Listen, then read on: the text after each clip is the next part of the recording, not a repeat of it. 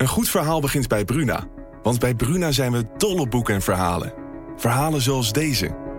De slagen van de noodklok dreunen over het dorp. Zwaar en dreigend. Ze overstemmen de gemoedelijke drukte op de markt. En alle handelingen vallen stil. Wat zou er aan de hand zijn? vraagt Oda ongerust. Wil jij weten hoe dit afloopt? Je leest het in Bloedlijn van Simone van der Vlucht. Nu bij Bruna.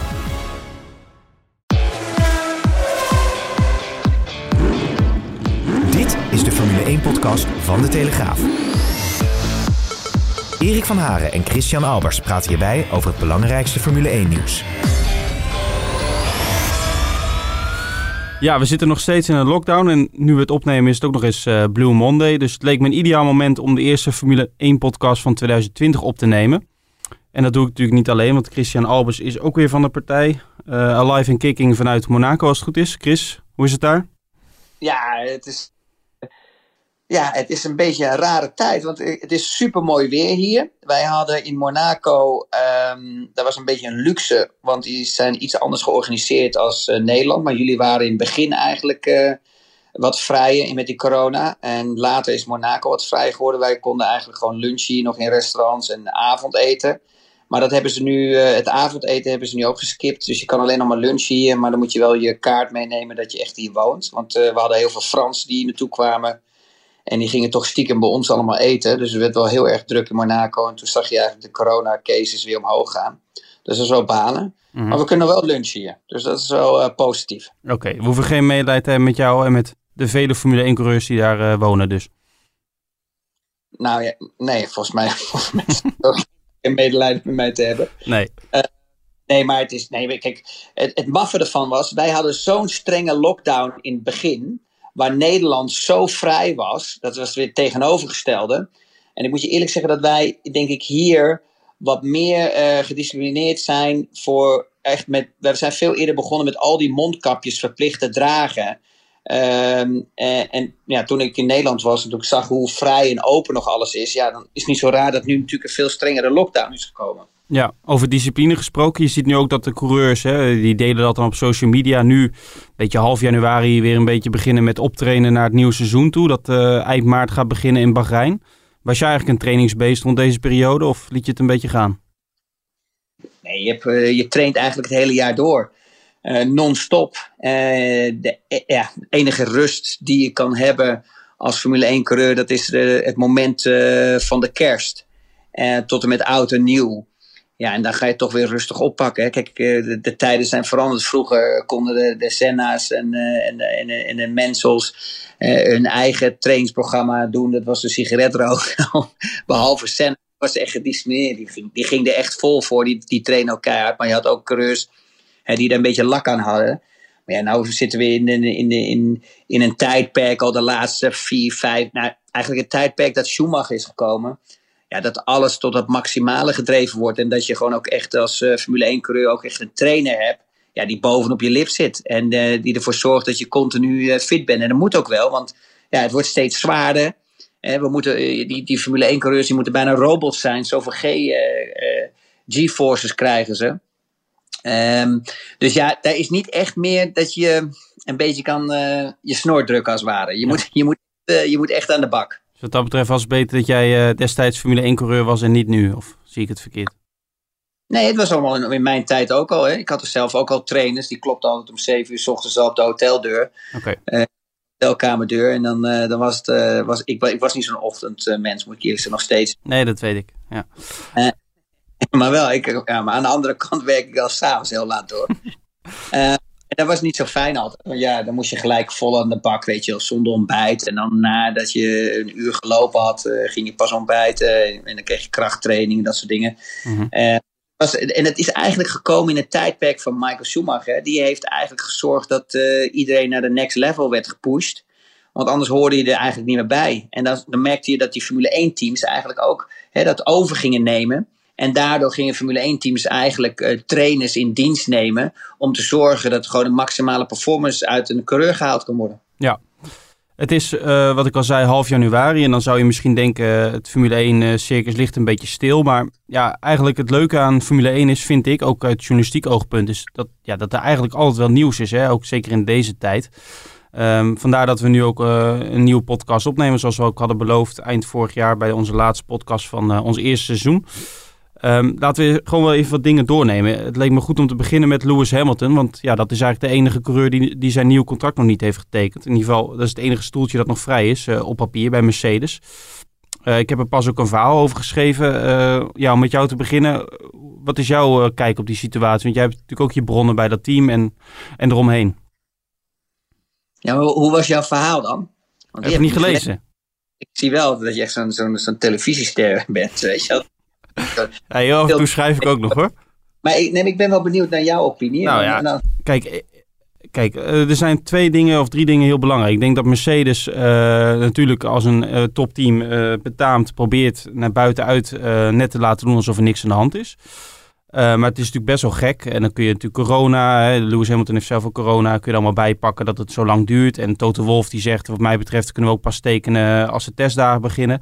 Maar dat is natuurlijk voor een groot deel larikoek. Uh, kijk, we hebben verschillende bronnen. We hebben er zelf vorig jaar ook wel eens wat over gezegd. En uh, ook in deze podcast. Wat ik ervan begrijp is dat Lewis Hamilton uh, graag een nieuw contract wil tekenen. Maar dan wel natuurlijk voor zijn, onder zijn voorwaarden. En hij wil graag voor twee of drie jaar tekenen. Dus een meerjarige deal. Ja, en, en hij heeft natuurlijk nu al een hoog salaris en hij wil daar ook nog wat bij. En daar kun je natuurlijk van alles van vinden in deze tijd. Hè. En bij Mercedes zie je natuurlijk ook een, een flinke ontwikkeling dat dat team, uh, dat er een reorganisatie ondergaan met Ineos dat daar is ingestapt. En dat Ola Kalenius, de, de grote man van Daimler, het overkoepelende Daimler, zegt van ja, tot hier en niet verder. We kunnen niet veel verder gaan dan dit. En dat, dat die twee partijen toch nog steeds uh, lijnrecht tegenover elkaar staan. Dat is een beetje het, het beeld dat ik ervan heb. Ja, dat klopt wel. Maar ja, er zijn gewoon meerdere scenario's. Ja, scenario 1 is dat Lewis dacht uh, dat het allemaal goed zou komen, dat hij wereldkampioen zou worden en dat hij daardoor de druk op kon voeren voor een hoger salaris. Alleen wat hij niet doorbedacht had, is natuurlijk dat hij corona zou krijgen. En dat uh, George Russell naar de auto kwam ja. en eigenlijk het plan aan dicht had gereden. Letterlijk en figuurlijk. Um, en we hebben dat ook al eerder over gehad in een andere podcast. Uh, leg maar uit aan een um, CEO van Daimler, um, een van de grootste fabrikanten van de wereld, waarom Lewis Hamilton zo speciaal is. Als hij ziet dat een uh, George Russell uh, eigenlijk erin ja, ge, ge, ge, gedrukt wordt en vermorzeld wordt in een badkuip waar hij helemaal niet in past. En dan toch eigenlijk, uh, ja, wij weten allemaal, we kunnen wel zeggen dat hij niet gewonnen heeft. Maar iedereen weet eigenlijk dat hij gewoon de race zou winnen. Ja. Tot twee, toe, twee keer toe dat er fouten zijn gemaakt. Dat hij de eerste keer eigenlijk toch weer van achteraf weer naar voren reed. En dan eigenlijk een, ja, een, een, een, een, kapotte band had. Hè, een, lo, een leeglopende band. Um, dus dat heeft eigenlijk ervoor gezorgd dat uh, Ola Kalenius natuurlijk van um, wat is hier aan de hand. Ja. En scenario 2 uh, is natuurlijk dat hij uh, een gigantische salarisverhoging vraagt. In een periode uh, waar de wereld in de brand staat met corona. En dat het natuurlijk moeilijk te veroorloven is aan Ola Kalenius. Um, dat die moet mensen gaan ontslaan. om het bedrijf gezond te houden. En dan moet je een, een, een, een salarisverhoging accepteren van Lewis Hamilton. Ja, dat staat natuurlijk lijnrecht tegen elkaar. En dan heb je scenario 3 nog een keer. Is dat uh, uh, ja, de aandelen anders verdeeld zijn bij het Formule 1 team. Zoals je weet, hè, met Toto Wolff, uh, Mercedes. En, ja. ja. die erbij zijn gekomen. waardoor eigenlijk ook een stuk uit het salaris wordt eigenlijk betaald ook door het Formule 1-team. En je ziet nu dat uh, Toto Wolff dan nu dan zijn eigen portemonnee moet trekken. En dat wordt een stukje minder. Dus die wil natuurlijk proberen dat het op het marketingbudget komt. Uh, uh, de druk daarop komt te liggen natuurlijk van Mercedes-Benz, en Daimler dus als het ware, dat die zijn salaris gaan betalen. En die zeggen op dit moment, ja ho ho, Ten eerste kan ik me niet veroorloven. Ten tweede was Russell reed gelijk vooraan met de auto. Dus het laat me zien dat wij gewoon een goede auto kunnen maken. En dan uh, de periode waar we in, in, in leven op dit moment. Waar, waar natuurlijk, uh, ja, het is dramatisch voor heel veel sectors in de wereld. Die gewoon met bedrijven die failliet gaan. En ja, ga, ga zo maar door. Weet je, er is geen eind aan. Dus ja, ik denk, moet je heel eerlijk zeggen. Hoe, hoe hij het gespeeld heeft. Hij, heeft. hij heeft natuurlijk geprobeerd extra salaris te krijgen. door het uit te stellen om wereldkampioen te worden. waardoor Mercedes niet meer terug kan. Maar hij had niet ingecalculeerd dat George Russell in de auto kwam en eigenlijk zijn hele, zijn hele plannetje aan dicht heeft gereden. Nee. Om daarop voor te beduren, Guus Pennings die vroeg mij op Twitter, ehm, en dan citeer ik zijn vraag. Is het niet een beetje hufterig van Hamilton dat hij als zelfbenoemd wereldverbeteraar zijn contract zo op het spits drijft voor, en dat is een aanname, nog meer miljoenen, terwijl zijn werkgever net als de rest van de wereld klappen krijgt? Nou, dat is een beetje het verlengde wat jij net zegt, hè? Daar, dat kun je dus beamen. Ja, kijk, het is natuurlijk niet leuk voor mij om te zeggen, maar hij heeft wel gelijk. Ja, ja dat, is de, dat is de realiteit. Uh, maar dat is altijd in, in elke business. Hè. Het is natuurlijk het vragen en het geven en het nemen. Uh, het is allemaal daar een oplossing zien te vinden. Uh, waar twee partijen bij elkaar komen. En als je nou vier maanden geleden had besloten om bij te tekenen, was deze situatie niet voorgekomen. Dat is het risico dat hij heeft genomen om extra salarisverhoging te vragen. En, en dat komt dan net echt in, de, in, de, in, in, in, een, ja, in een slechte periode van hem. Ja, en, en, nu zie je dat hij klappen krijgt. En ik zag ook al andere, denk ik, uh, Lewis. Weet je, ik vind op dit moment. hij komt ook in een, in een soort. Um, ja, moet je zeggen, in een soort categorie waar Michael Schumacher is gekomen. Dus je krijgt een beetje ook uh, haat en nijd. Hè? Als mensen succesvol worden, heb je heel veel mensen die hem adoreren, maar je hebt ook heel veel haters krijg je erbij. Is zo werkt naar eenmaal de wereld. En het wordt steeds erger natuurlijk met social media en al dat dingen. Maar ik moet wel een paar mensen één punt gelijk hebben. En ik, ik vond het ook nooit leuk toen mensen negatief waren over Michael Schumacher. Want dat is toch steeds een van, voor mij, de beste coureuren ooit. Omdat hij gewoon een, een totaalpakket was. Hoe hij in, in die tijd echt een team kon bouwen. En echt gewoon de mensen om hem heen kon meenemen en vormen. Dus dat was ook eigenlijk gewoon een people manager. Hè? Dus een mensenmanager. Um, en zoveel succes kon krijgen daardoor. Mm en dat zie je nu in deze tijd niet zo meer. Maar als je dan gaat kijken hoe uh, Lewis Hamilton een beetje zich profileert qua uh, environment en al dat soort dingen. En weet je, dan moet je daar ook naar gedragen. En dan kan je niet met je ja, met je privéjet gaan vliegen. Je kan niet op een boot zitten met motoren meer. Uh, weet je, we zijn natuurlijk wel bezig met Formule 1. Hè? Dat zeggen mensen ook gelijk. Ja, de Formule 1 is ook uh, uh, milieuvervuiling en alles. Maar mensen vergeten wel één ding. Is dat Formule 1 er ook voor gezorgd heeft dat auto's veel zuiniger worden. Dat er veel meer vermogen uit de motor, uit de motor wordt gehaald. Als dat we vroeger hadden. En dat komt ook allemaal door de technology. En ik denk ook dat Formule 1 de basis is voor safety hè, en, en, voor, en voor schonere en zuinige motoren in de wereld. Alleen dat vergeet iedereen heel snel en dat is natuurlijk niet eerlijk. Maar als je op een gegeven moment in dat vlak gaat bewegen, ja, dan, kan je, dan, dan komt er een moment dat je, naar mijn opinie, echt klappen kan gaan krijgen. En dat zie je nu op dit moment, weet je wel, dat mensen gaan verzetten, omdat hij zogenaamd zich voor de, de wereld in gaat zetten. Ja, weet je, dan denk ik bij mezelf, ja, dan kan je beter zorgen dat je op dit moment even de underdog bent. Want het, het, komt nu, de klappen komen nu van alle kanten. Hè. Het is uh, environment, dan zijn salarisverhoging in die wereld en alles. Dus ja, het doet hem niet goed aan zijn image. En dan denk ik bij mezelf, joh, wat is die laatste 10 miljoen nou voor hem? Hè, of hij nou 30 miljoen krijgt betaald of 50 miljoen. Ja, ik bedoel, het is wel heel veel geld. Maar probleem is, hij heeft nou op dit moment eenmaal vette pech. Dus dat de wereld in de brand staat. Ja, en, dat zij, en, en mensen hun bedrijven verliezen en faillissementen zijn. Ja, dan moet je zelf ook daarin mee calculeren dat je eigen businessmodel ook niet meer werkt. Zo simpel is het. Nee, eh, wat je zegt, eh, kijk, als je, zo, als je zo uitgesproken bent over sommige dingen, dan komt het soms ook als een boemerang uh, terug in je gezicht. Hè. We hebben het eerder ook gezien met toen Hamilton werd gevraagd over de mensenrechten in uh, Saudi-Arabië, waar de Formule 1 dit jaar gaat racen. Ja, dan zegt hij ook van, uh, dan is de eerste reactie, ja, ik heb een vriend daar wonen en die zegt dat het allemaal geweldig is. Komt natuurlijk ook niet heel goed over. En ja, even in herinnering, in augustus zei Hamilton nog dat hij nog niet wilde onderhandelen over een nieuw contract, juist vanwege de coronacrisis en omdat veel mensen in de wereld hun, hun baan aan het verliezen waren. Dus ja, dat, kijk, je moet ook misschien af en toe als atleet of als sportman, het is goed dat je uitgesproken bent, maar je moet wel uh, het soms misschien gescheiden houden, hoe, hoe gek dat ook klinkt. Um, en dat, ja, wat je zegt over dat groene, groene karakter van de Formule 1, hè, even tussen haakjes. Uh, volgens mij willen ze ook binnen nu en een paar jaar, uh, eh, 2023 was volgens mij het, doel om dan met een 100% duurzame brandstof te rijden. Uh, hoe kijk jij naar die ontwikkelingen? Ja, ze zijn, dat, ik, ik, ik vind het juist mooi waar ze mee bezig zijn. Want ze zeggen heel simpel, luister, als Formule 1 compleet eh, eh, naar elektrische auto's, eh, naar elektrische motoren gaat, dan red je dat gewoon niet. Qua vermogen ja, en de afstand van een Formule 1 race. Dus ze moeten kijken naar andere manieren om Formule 1 natuurlijk ja, zo groen mogelijk te maken. Ja, en daar zie je nu dat ze zich compleet focussen op sustainable fuels. Dat kan synthetic, synthetic zijn of dat kan biofuels zijn.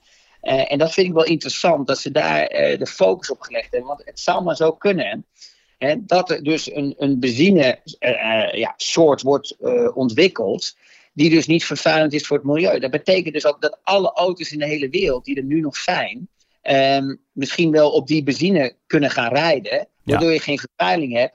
En waardoor je eigenlijk in één keer weer een compleet uh, andere situatie kan krijgen. Dus we zijn helemaal naar elektrisch gegaan. Wat voor mijn opinie, hè, ik ben geen. Ik ben wel. Eh, ik, ik vind dat je wel mee moet gaan in de tijd hè, voor uh, het milieu en al dat dingen. Um, maar als ik heel eerlijk ben en ik kom over de hele wereld en ik kom in Afrika of ik kom in India of ik was een, een voorbeeld in Mumbai en alles. Mm. Ja, weet je, dan is Europa maar 1% over de hele wereld. En wij zijn zo doorgeslagen, we, staan zo door op het groen.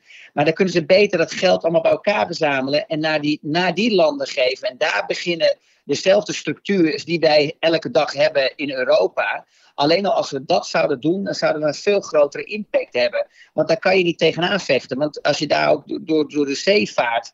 Eh, toen ik in Mumbai was ook. Het is verschrikkelijk. Er is zoveel plastic en er is zoveel troep. Maar die mensen weten dat ook niet. Die weten niet eens wat milieu, wat, wat environment is. Die hebben helemaal geen flauw idee. En dan proberen wij daar tegenaan te vechten om, om het zo goed mogelijk te doen. En ik begrijp wel dat alle kleine beetjes werken. Maar zorg dan dat je die miljarden bij, naar daar naartoe, want dan heb je een veel grotere impact.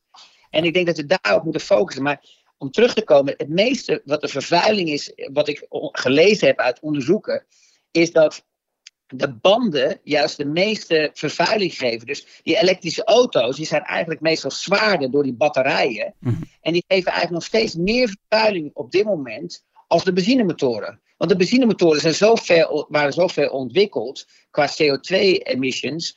Ja, dat, die, dat voordat een elektrische auto een, een benzinemotor, een brandstofmotor inhaalt, dan duurt het wel echt een paar jaar. Hè? Sommigen zeggen wel eens 300.000 kilometer. Nou gaat die technology gaat wel sneller van die elektrische auto's. Uh, uh, die, die, die, die gaat significant snel. Maar dat komt ook omdat natuurlijk al het geld in elektrisch wordt gestopt. Maar stel je nou voor dat er dus bijvoorbeeld een benzinesoort komt, waar dus alle auto's door kunnen blijven rijden, ja, en waar dus geen vervuiling meer is. Ja, dat zou, dat zou, dat zou fantastisch zijn. Dat betekent ook trouwens dat de normale auto's weer beter zijn voor het milieu als elektrische auto's. Ja, ja, interessant is ook wel dat als je naar de Formule E krijgt, uh, kijkt, de elektrische raceklassen die uh, eind februari beginnen, die volgens mij aan hun zesde of zevende seizoen. Dat antwoord moet ik je even schuldig blijven. Uh, je ziet daar juist dat veel grote fabrikanten, merken daar uitstappen hè, op termijn na dit seizoen. Dat die toch niet die doorontwikkeling naar de straatauto uh, blijkbaar kunnen zien. Want anders zou zo doorgaan. Of misschien de populariteit van de klasse zelf missen. Want ja, daar kijken natuurlijk maar heel weinig mensen naar als je het vergelijkt met, met Formule 1. Maar goed, ik hoop uh, misschien dat de fracties van GroenLinks en SP luisteren naar jouw uh, betoog dan, hè, voor wat inzichten. Dat denk ik niet, maar het, ik, het, het is net altijd maar hoe je, hoe je zo'n onderzoek doet. Um, en weet je, iedereen heeft zijn eigen mening en, en iedereen berekent het ook anders. Dat is het gevaarlijke altijd. Maar ik zeg altijd zo, waar wij allemaal niet bij stilstaan. Als je teruggaat naar een groot land, bijvoorbeeld als Amerika. Zouden ze vandaag in Amerika een APK invoeren. Wat wel gewoon normaal is natuurlijk. Hè. In Duitsland het TUS, in Nederland APK. In alle Europese landen is normaal dat je auto wordt gekeurd. Want die moet veilig zijn op de weg. Zouden ze dat doen in Amerika, dan heb je het allergrootste probleem wat er ooit is. Want die mensen kunnen dan helemaal niet meer naar werk. Die hebben helemaal geen APK. Mhm. En wij denken altijd aan Amerika natuurlijk New York of hè, Los Angeles of uh, Miami of Atlanta. Maar het, is juist, het zijn juist de steden allemaal daarbuiten, het platteland. Ja. Waar mensen gewoon met auto's rijden, soms met gewoon met drie wielen reizen naar hun werk. Dus als daar APK ingevoerd zou worden, zou het hele land niet zijn als het ware. Want naar hun werk. Dus weet je, we zijn soms bezig in Europa. En denk wel, ja, laten we ook eens focussen al dat geld bij elkaar te, te, te schrapen. En begin eerst eens alleen om met normale vuilnisbakken in landen zoals Afrika of India, dat daar eens een keer de boel aangepakt wordt. Want dan heb je procentueel ja, veel, veel grotere aanpak, lijkt mij. Maar ik ben hier niet een wereldverbeteraar. Het is alleen dat ik het gewoon tegenkom. En ik vond het wel interessant dat Formule 1 dus als ware zich helemaal focust op die sustainable uh, uh, fuels. En stel je voor dat ze daar iets in vinden. Dat betekent dat we gewoon deze hybrid periode kunnen blijven. Gewoon verbrandingsmotoren kunnen blijven maken. Waardoor je dus vermogen hebt. Waardoor je dus beleving hebt. Waardoor je emotie hebt. En waardoor je uh, dus eigenlijk ook niet hoeft uit te rekenen waar je allemaal wel een elektrische paal kan vinden en waar niet. Ja, ja waarvan acte. Tot zover dit vurige betoog van wereldverbeteraar Christian Albers. Um, nee, is ook, ik, ik moet je eerlijk zeggen, Erik, ik wist gewoon niet dat uh, uh, het banden uh, dus van de auto's eigenlijk het stofprobleem veroorzaken. En dat komt dus meer, dat is dus groter, significant veel groter, blijkbaar bij elektrische auto's. En dat, komt, dat klopt ook wel, dat komt door het gewicht natuurlijk. Dus er meer gewicht ja. op de band des te meer vervuiling je hebt. Ja. Dus in principe, als je dat gaat berekenen, dat was voor mij wel een verrassing, dat het dus niet zo groen is. Nee, zeker. zeker interessant. Ik krijg er een bok van in mijn keel, zo short. Um, laten we even teruggaan naar de actualiteit. Wat Formule 1 betreft. Um, de kalender is uh, onlangs bekendgemaakt. Althans, ja, de voorlopige kalender moet ik natuurlijk zeggen in deze tijd. Met nog steeds 23 races, een recordaantal erop. Maar ja, um, dat wordt toch uh, lastig om dat in te vullen als, het nu, als we het nu zo zien. Ik denk dat zeker, uh, dat, dat zijn ook wel de berichten, dat race 5, 6 en 7, Monaco, Azerbeidzjan en Canada toch wel op losse schroeven staan. Omdat ja, Monaco en Baku, dat zijn natuurlijk stratenraces. Daar moet het ja, circuit natuurlijk weken van tevoren moet het allemaal worden opgebouwd. En in Canada zit alles nog op slot. Uh, wat verwacht jij dat er binnenkort uh, eind mei? Jij blijft meestal als een van de weinigen wel in, uh, in Monaco tijdens de race. Maar denk je dat ze langskomen eind mei of moet je nog een jaar wachten? Ja, ik denk dat we nog een jaar moeten wachten. Dat is wel echt palen. Want het is, weet je, Monaco is natuurlijk. Uh, we, zeggen, we zeggen altijd over Monaco veel rijkdom en al dat soort dingen. Maar uh, het leeft ook wel van dit soort evenementen. En ik denk dat het gewoon 30% van de inkomsten is wat ze mislopen, minimaal. Mm. Uh, voor zo'n Formule 1 race ehm, te missen. Want natuurlijk SBM is natuurlijk van, van Monaco, van de koninklijke familie en alles. Um, dat die hotels die behoorden allemaal onder die SBM-groep. Ja, ja. En die, die gigantische klap op dit moment. En dat is ja. natuurlijk wel En ik zie ook niet zo snel dat wij uh, vaccinaties hebben, omdat wij, omdat we dan een te klein land zijn. We hebben maar 38.000 of 39.000 inwoners. Dus dat betekent dat wij uh, uh, bevoorraad worden door, door Frankrijk. Want je moet die vaccinaties, geloof ik, per miljoen kan je die pas inkopen.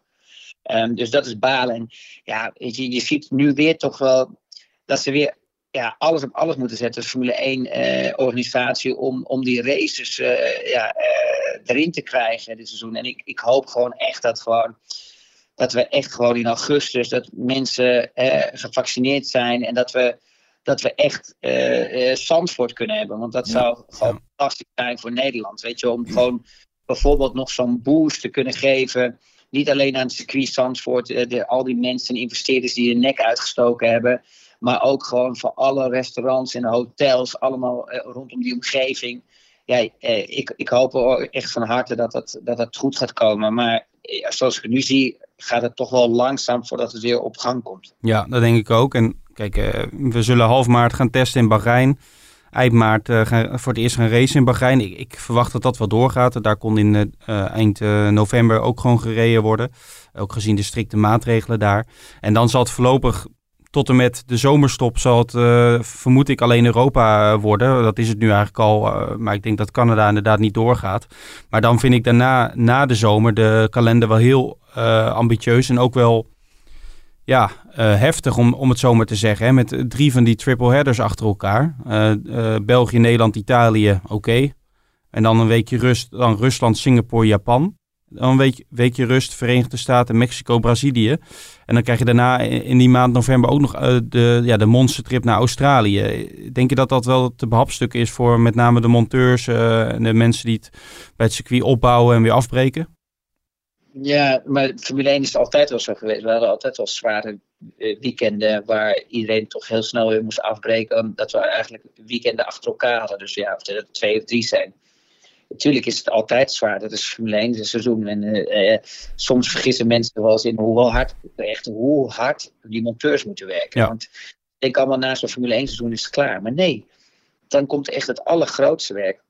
Waar gewoon nachten wordt doorgewerkt om een nieuwe auto in elkaar te zetten. Om een nieuwe auto op te bouwen. Voor de eerste testdagen. Want iedereen stelt zo lang mogelijk, al die designers joh. Die stellen alles zo lang mogelijk uit om zoveel mogelijk aerodynamica voordeel te behalen in die auto. Dus hoe later je klaar bent met die auto, des te meer voorsprong je kan krijgen op de rest.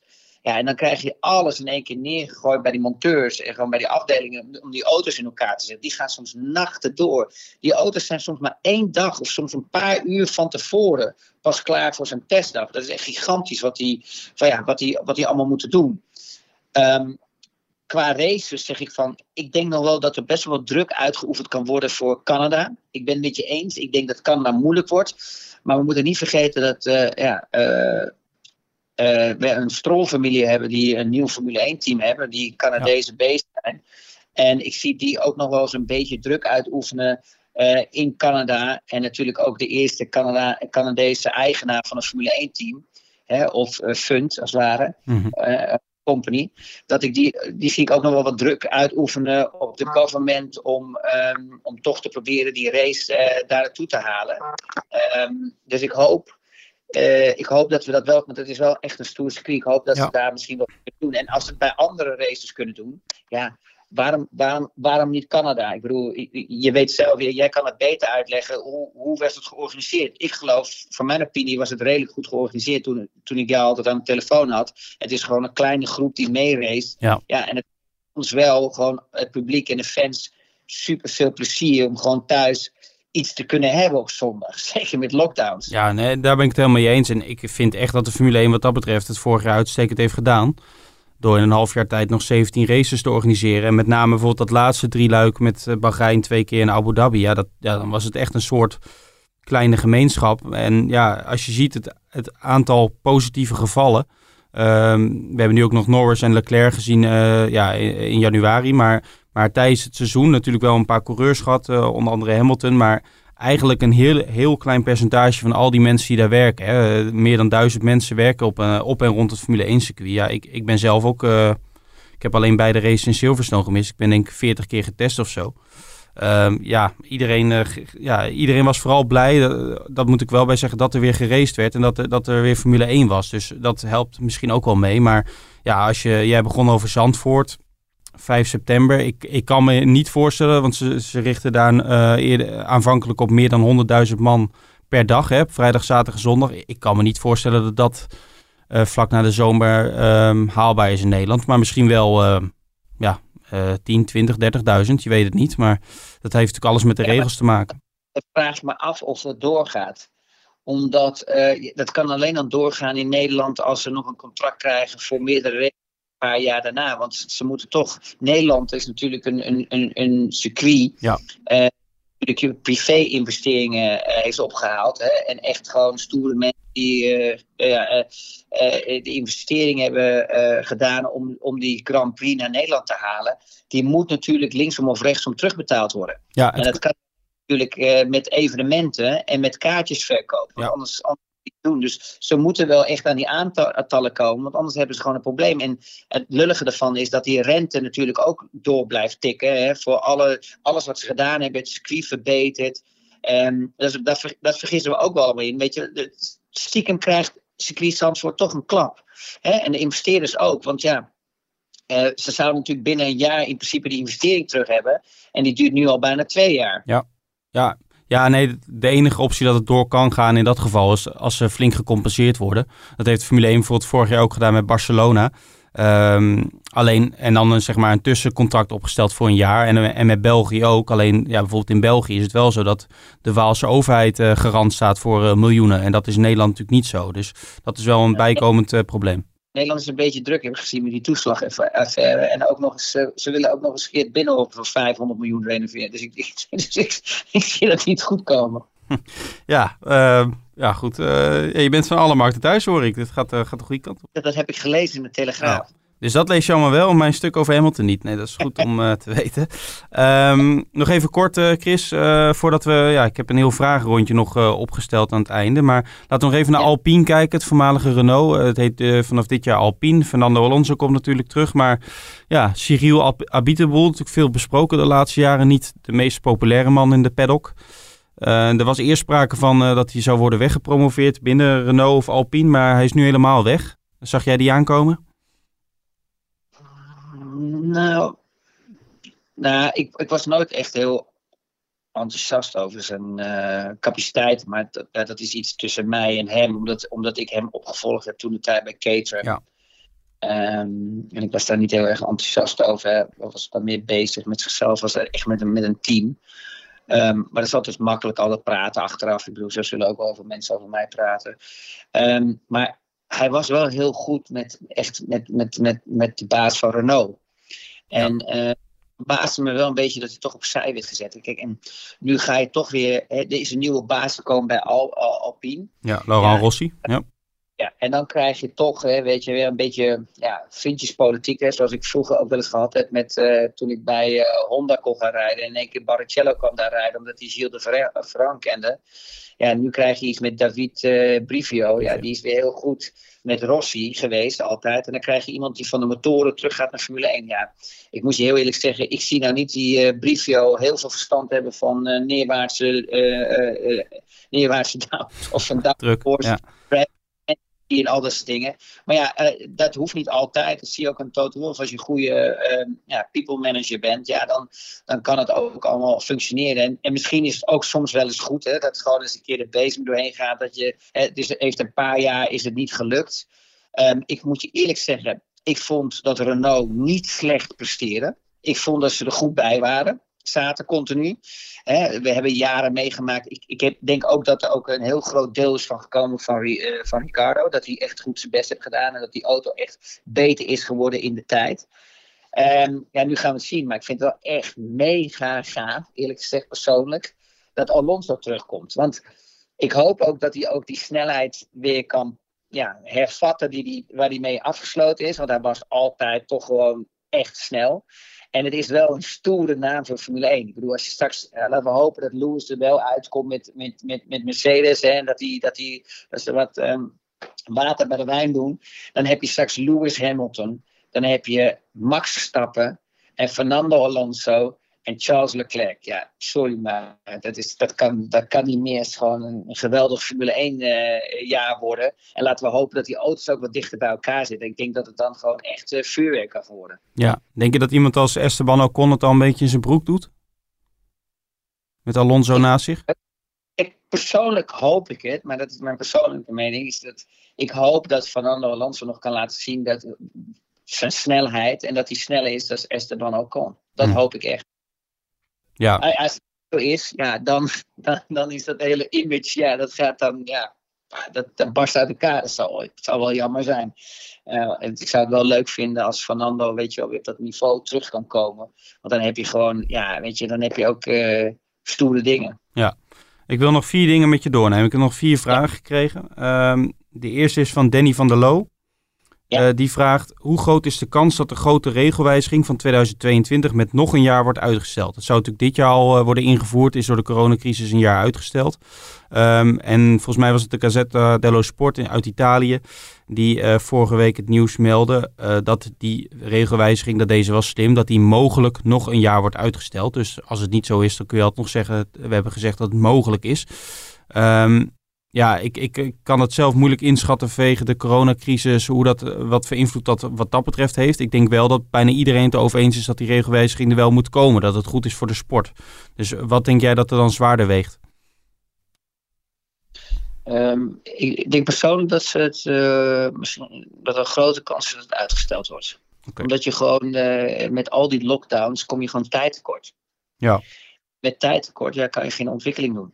En uh, zonder development en ontwikkeling, uh, ga zo maar door. Uh, ja, ja dan, dan komt dat niet goed. Ja, oké. Ja, dat is een beetje speculeren, maar dat wordt vast en zeker vervolgd. Dan krijgen we Distretto Music. Dat is in ieder geval een funky naam. Um, die in ieder geval erg blij was met de opname van de podcast. Waarvoor dank. die vraagt, wat zijn jullie gedachten over een extra wedstrijdelement van Pirelli, de bandenleverancier. Dat ze, ja, die nemen natuurlijk elke weekend drie uh, soorten compounds van de vijf mee. Dat ze niet meer zeggen welke compounds ze meegenomen, maar, uh, mee hebben genomen, maar dat de teams en coureurs zelf maar moeten uitzoeken op vrijdag welke uh, band ze onder zich hebben, zeg maar, of welke ze, ze mee hebben. Het lijkt mij een proefballonnetje met weinig toekomstmuziek, om een beetje in de naam van deze twitteraar te blijven. Of zie je dat helemaal anders? Dat ligt aan wat hij bedoelt natuurlijk. Hè. Denk jij dat hij bedoelt uh, dat, je, uh, dat ze niet zeggen welke compounds ze meenemen. En dat je dan gewoon zelf in het weekend de banden mag uh, proberen. En dan, dat denk ik, ja. Als ik het zo lees. Ja, maar het, is, het probleem is dat je een hele korte tijd hebt. Hè? Je hebt maar een uur een training. En als je dan, dan niet op een band staat welk compound is, ja, dan heb je echt een beetje een rommeltje. Want dan weet je ook niet wat je zaterdag in qualifying en in de race allemaal krijgt. Dus kijk, als je wel bijvoorbeeld eh, drie compounds krijgt waar wel staat op natuurlijk, dat is compound A, B C. Hè. Je hoeft niet eens soft, medium hard te noemen of extra hard, dat maakt allemaal niet uit.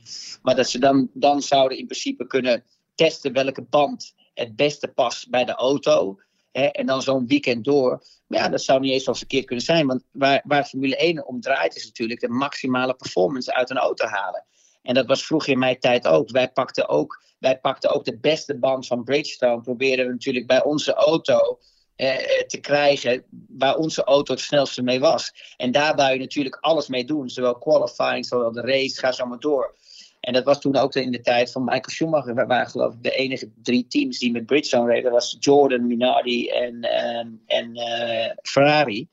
Ja, en, daar, en wij konden uh, nog niet eens eigenlijk op de banden van Ferrari rijden. Want dan kreeg Minardi, de Minardi-auto kreeg daar niet eens temperatuur in. We hadden gewoon te weinig downforce. Mm Dus wij moesten altijd gewoon drie of vier compounds uh, zachtere banden gaan rijden. Want anders kregen we gewoon geen bandentemperatuur. Dus daar was best wel een verschil in. Dus ja, op zich, ik, het kan ook een mega rommeltje worden als je niet weet wat voor compound op de auto komt. Want dan, je krijgt dan namelijk in één keer 20 sets krijg je, ja, neergegooid achter de pitbox. Ja, en hoe ga je dan uitzoeken welke band band is? Dus er, moet wel genummerd zijn natuurlijk, want anders weet je het niet. Uh, maar aan de andere kant is het ook wel weer positief. Want ja, je, je kan wel. Het gaat om natuurlijk de beste band voor jouw auto uh, te vinden. En, en die eigenlijk, ja, waar je dus het snelste mee kan rijden. Dus, ja, dat is, dan ga je eigenlijk weer terug naar, naar 15, 14 jaar geleden of 10 jaar geleden. Wat, wat, wat ik vind dat het Formule 1 ten alle tijden altijd de maximale performance uit een auto moet halen. En dat die niet gerend moet worden. Nee. Want dan veel zien van teams. Ja, zo goed dat je aan het begin zei nog, um, dat de trainingen, het is niet officieel bekracht door de Formule 1, maar het zat er wel in de, in de regels dat die trainingen op vrijdag ook een uur zijn, net als de laatste training op zaterdag. Dus uh, Teams hebben een uur minder de tijd. Hè, want uh, beide trainingen op vrijdag waren natuurlijk anderhalf uur. Ik denk een goede zaak, want uh, ja, uh, bij het gros van de trainingen gebeurde natuurlijk ook heel veel van de tijd niks. dus nee, voor... Niemand wil als eerste naar buiten nee. rijden. Want daar gewoon motoren, uren, dus kilometers. Want die motoren die kunnen maar zoveel races mee. En dus iedereen wil zo lang mogelijk wachten. Iedereen wacht eigenlijk op die, die topteams, wacht op die mindere teams als ze beginnen te rijden. Want daardoor krijgen ze een beetje rub op het circuit. En dan krijg je ook een hele andere afstelling. Dus iedereen probeert zo, zo ver mogelijk uit te stellen. Dus ja, net wat jij zegt, denk ik niet zo slecht is een uur. Nee. Um, ja, leuke vraag moet ik zeggen nogmaals. Want uh, Sven Snoep uh, vraagt bijvoorbeeld iets uh, waaruit blijkt dat, dat er nog veel onbekend is uit de Formule 1. En dat het echt een voordeel is dat we hier een oud Formule 1 coureur bij ons hebben. die vraagt namelijk, hoe nat word je tijdens een regenrace als coureur en zit er bijvoorbeeld een afvoer in de cockpit? Nee, er zit geen afvoer in de cockpit. Er zijn wel af en toe wat schroeven, hè, waar dus zeg maar, de onderplank en, en zeg maar, de, bij, waar de plank vast zit, heb je nog zeg maar zwaar een soort driehoek. Um, waar nog wel eens af en toe wat water weggeloopt. Maar in principe is de afvoer is, uh, de race overal van de Formule 1 Ja. En hoe nat word je dan zelf? Als we, uh, je hebt natuurlijk oh. veel regenraces meegemaakt. Ja, het grappige is, wij worden eigenlijk het meeste nat als we stilstaan. Dus hm. zolang je rijdt, is er niks aan de hand. Want het, de, de, zeg maar de wind, als het de rijwind, ja. blaast eh, in principe de regen weer omhoog. Dus je, je hebt maar eigenlijk een gedeelte wat nat wordt. Dat is vanaf zeg maar uh, bij je schouders als het ware. Hè? Dus wat uh, klein stukje je schouders en je helm. En, en dat waait eigenlijk allemaal naar achteren. Dus in principe in de cockpit ja, daar komt bijna geen water te staan. Behalve natuurlijk als je, stel je voor dat je bij de start een rode vaksituatie zie je staat een half uur stil. Maar ja, dan komen toch altijd die, die, die, die monteurs met paraplu's en zo. Uh, dus in principe uh, krijg je alleen maar veel water als je stilstaat. En, en de rest eigenlijk, dat komt dan op je overal. Maar als je dan rijdt en de, en de temperatuur van je lichaam en je rijwind, ja, dan, dan, dan verdwijnt dat eigenlijk als, weer, als ware weer. Ja, duidelijk. De laatste die komt van Dennis Broekhart. Dat is misschien wel een van de grootste Christian Albers fans van, uh, van Nederland. Ik wist niet dat ze bestonden, maar ja, zo leer je ook nog eens wat bij het opnemen van deze podcast. Ik dacht dat ik al een hele oude man aan het worden was. Ja, maar dat staat er los van. Um, je reed één race in het verleden uh, voor, de, voor Audi in de American Le Mans Series. En stond toen gelijk op podium. Uh, heeft die podiumplek ervoor gezorgd dat je later ook in de European Le Mans Series ging rijden bij, bij het team van Collis? Uh, aangezien Audi Noord-Amerika in 2009 stopte. En wist je al toen van dat besluit toen je op podium stond? Ja, dat is wel grappig eigenlijk. Want ik werd, um, eh, toen ik klaar was met Formule 1, hè, toen het hele akkefietje met Spijker kwam en mm -hmm. ja, dat heel veel gebeurde. Toen ben ik eigenlijk in een oude DTM-auto gestapt met, met, van Audi. En dat was een uh, twee jaar oude auto, niet eens een één jaar oude auto. En daar presteerde ik redelijk goed in. Waardoor ik de, uh, de kans kreeg van Dr. Ulrich, dat was toen de tijd de motorsportbaas van Audi, om uh, die American Le Mans Series een race mee te rijden. En dus dat was best wel cool voor mij, omdat, omdat, ik kon niet meer terug aan de bak bij Mercedes, omdat bij Mercedes toen de tijd toch wel een klein beetje frustratie was dat ik heb laten zitten in 2005. Ja. Want zij gewoon het fabrieksteam verder zou gaan rijden. En ik, en ik heb ze eigenlijk, ja, ben eigenlijk naar Formule 1 gegaan. Dus dat, was, uh, uh, dat vonden ze niet echt grappig. Dus het was voor mij heel moeilijk om weer bij Mercedes in een fabrieksteam te komen. Dus ik moest eigenlijk weer opnieuw beginnen, zoals bij Mercedes in DTM begon, weer in een oude auto, maar dan bij Audi. En toen ben ik bij Audi eigenlijk, uh, ja, werd ik opgepakt. En toen zei dokter Ulrich, Chris, um, ik zou graag willen dat je een race rijdt in Amerika, om eens te kijken hoe je daar presteert. En uh, toen, ik, toen ben ik daar naartoe gevlogen en toen kreeg ik mijn eerste officiële Audi-contract. Uh, of tenminste, de eerste officiële Audi uh, race overal aan. Ja, dat is toch wel stoer, weet je wel, als coureur zijn er weer. Dat je toch echt weer van een fabrieksteam deel uitmaakt. Dat is soms nog, moet ik eerlijk zeggen, heftiger en cooler als sommige Formule 1-teams. Want ja, is echt, weet je, echt een fabriek. Ja, dat is toch iets speciaals, hè, als je daar onder contract staat. En toen, uh, toen had ik de eerste race en toen gaf ik eigenlijk de auto op positie 1 af aan Piro. Dus ik uh, deed het daar uitermate goed. Ja. Uh, over verwachtingen van Audi. En helaas, pindakaas maakte Piro een foutje bij de herstart. Waardoor Lucas Loer hem voorbij reed. En toen zijn we tweede geworden. Dus daar baalde ik toen wel van. Want had ik eigenlijk gelijk de eerste overwinning kunnen pakken daar in Amerika. Met de race in Laguna Seca. En toen uh, was er eigenlijk afgesproken dat ik uh, voor Audi fabriekscoureur zou worden. Uh, omdat Tom Christensen weg zou gaan. En toen had op het laatste moment Tom Christensen toch ehm, ja, de keuze genomen met Werner Heinz, toen de tijd zijn manager, om toch nog een jaar verder te rijden, waardoor er dus geen plek voor mij was. En toen ben ik eigenlijk geplaatst door Audi bij Team Collis. Want die reden eigenlijk met een auto uh, die uh, zeg maar een jaar of twee jaar oud was.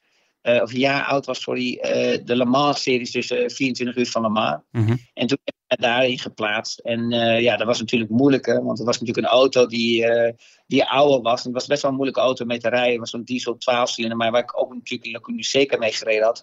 Maar het was best wel een tricky auto, want als je, mee, als je daar een, met die auto een beetje overstuur had, dan was het al gauw eigenlijk voorbij. Dan was het of in de banden of je stond in het, in het grind. Um, maar ja, ik heb mijn best gedaan toen ze doen. Maar dan zie je gewoon dat je, als je gewoon echt geen competitief team hebt, ja, dan was het best wel.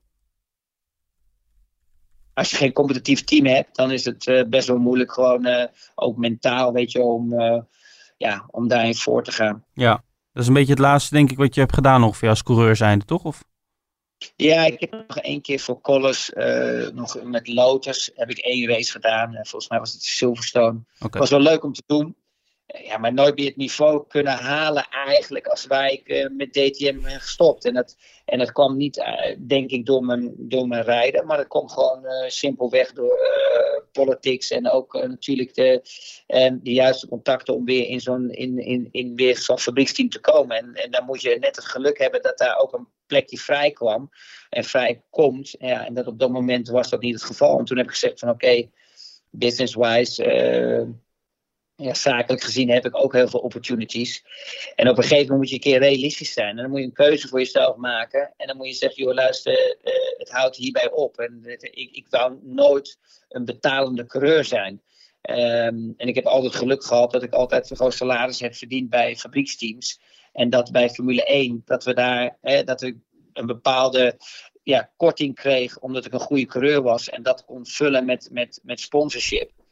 Ja, en, en, en, en ik wou niet meer van mijn eigen geld dat ik bij elkaar gereden had, eh, daarvoor nog mee, ja, te gebruiken om te gaan racen. Daar had ik geen zin in. Nee, nee, duidelijk verhaal.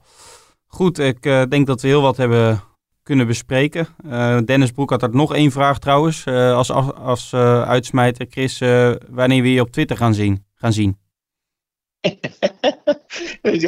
Iedereen vraagt ook waarom ik... Ik heb een Instagram-account ook. Ja. ik, die gewoon nul volgers heb.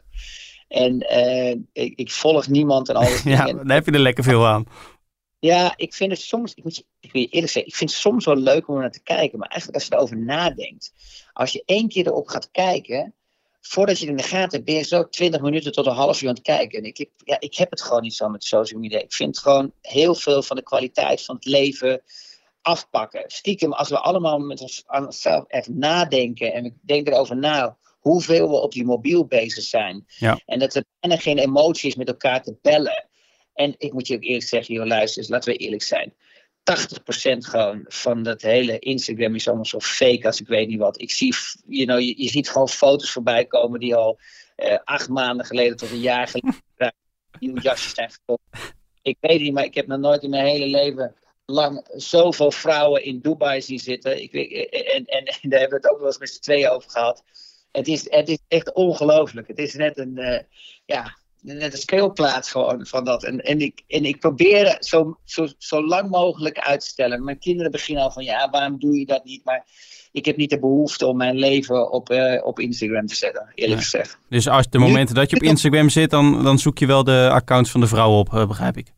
Nou ja, nee, wat, het, wat het probleem is, laten we heel eerlijk zijn. Ik kijk natuurlijk naar auto's. Ja, natuurlijk. Ja. Ja, en dan komt dan automatisch, komen daar ook vrouwen in. Ja, nee, het is onvermijdelijk.